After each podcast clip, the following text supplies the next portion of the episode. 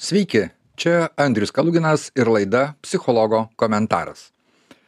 Šiandien apie tai, kodėl svarbu stebėti emocijas ir neneikti savo jausmų. Kartais patiriame emocijas, kurios tarsi prieštarauja tam, ką jaučia arba turėtų jausti kiti žmonės. Atrodo, kad visi aplinkui nerimauja, niurzga, skundžiasi, vis kažkuo nepatenkinti, pergyvena dėl rūpesčių, kovoja už savo gyvybę, o mūsų gyvenime viskas gerai.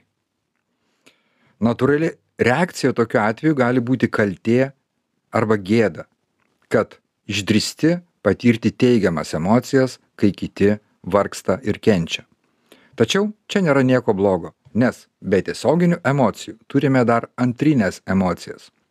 Moksliškai jos vadinasi meta emocijos štai pandemijos metu viena moteris man pasakojo kad iš pradžių ji kaip ir visi labai bijojo susirgti netekti darbo pergyveno dėl savo šeimos.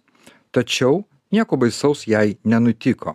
Jos reikalai klostėsi puikiai visi buvo gyvi sveiki nuotolinis darbas turėjo savo privalumų ir viskas jai buvo gerai. Ir tada kai jos draugai ir bendradarbiai neteko darbų arba rūpinosi sergančiais šeimos nariais ją apėmė keista kaltė ir slėgė dramatiški klausimai.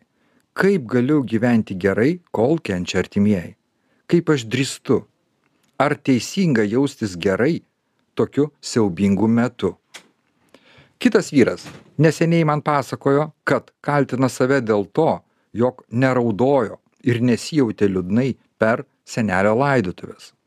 Dar kitas žmogus sakė, kad jam gėda linksmai švęsti vestuves, kol vyksta karas Ukrainoje kiti žmonės gėdinasi pasakoti apie savo puikias atostogas ar tiesiog vengia pasakoti apie savo džiaugsmus, nes jiems arba gėda, arba jie jaučia kaltę.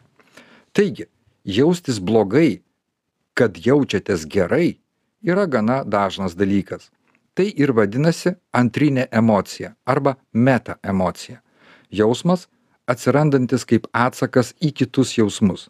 Tai emocija dėl emocijos jos būna trijų rūšių. Pirmoji tai yra jūsų emocija dėl kito žmogaus emocijos. Pavyzdžiui tai kaip jūs reaguojate į šeimos narių pyktį liūdesį ar juoką.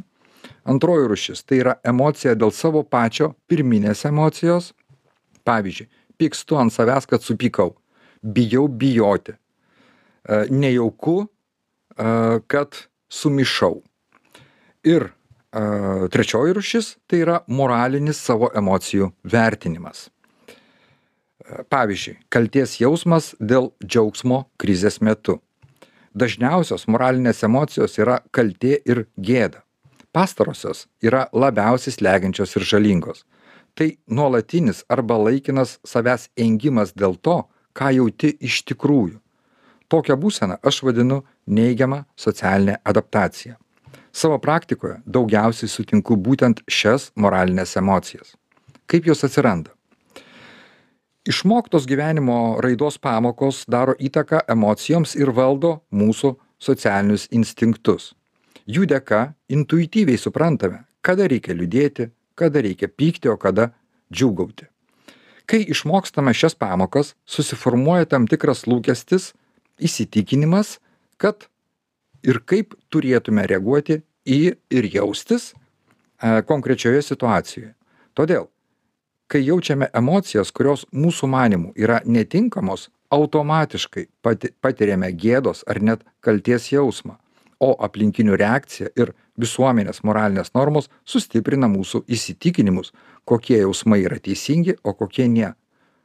Kokias ir kada emocijas galima rodyti, o kokias ir kada geriau slėpti taigi moralinės metaemocijos yra socialinio palyginimo reikalas. Juk mes nenorime jaustis atstumti o priešingai siekiame pripažinimo. Kai aplinkiniai skundžiasi jog yra blogai aplink save matote baimę pyktį ir skausmą galvojate oho o man viskas gerai.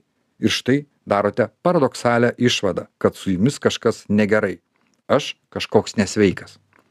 Ką gi čia daryti Svarbiausia, nereikia gėdintis savo emocijų ar kaltinti save dėl jų. Negrūskite gilin savo tikrųjų jausmų.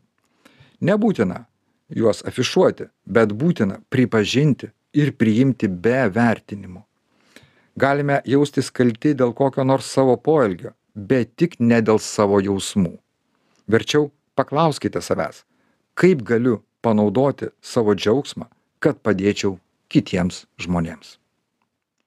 Čia buvo andrius kaluginas laida psichologo komentaras. Gražios ir lengvos jums dienos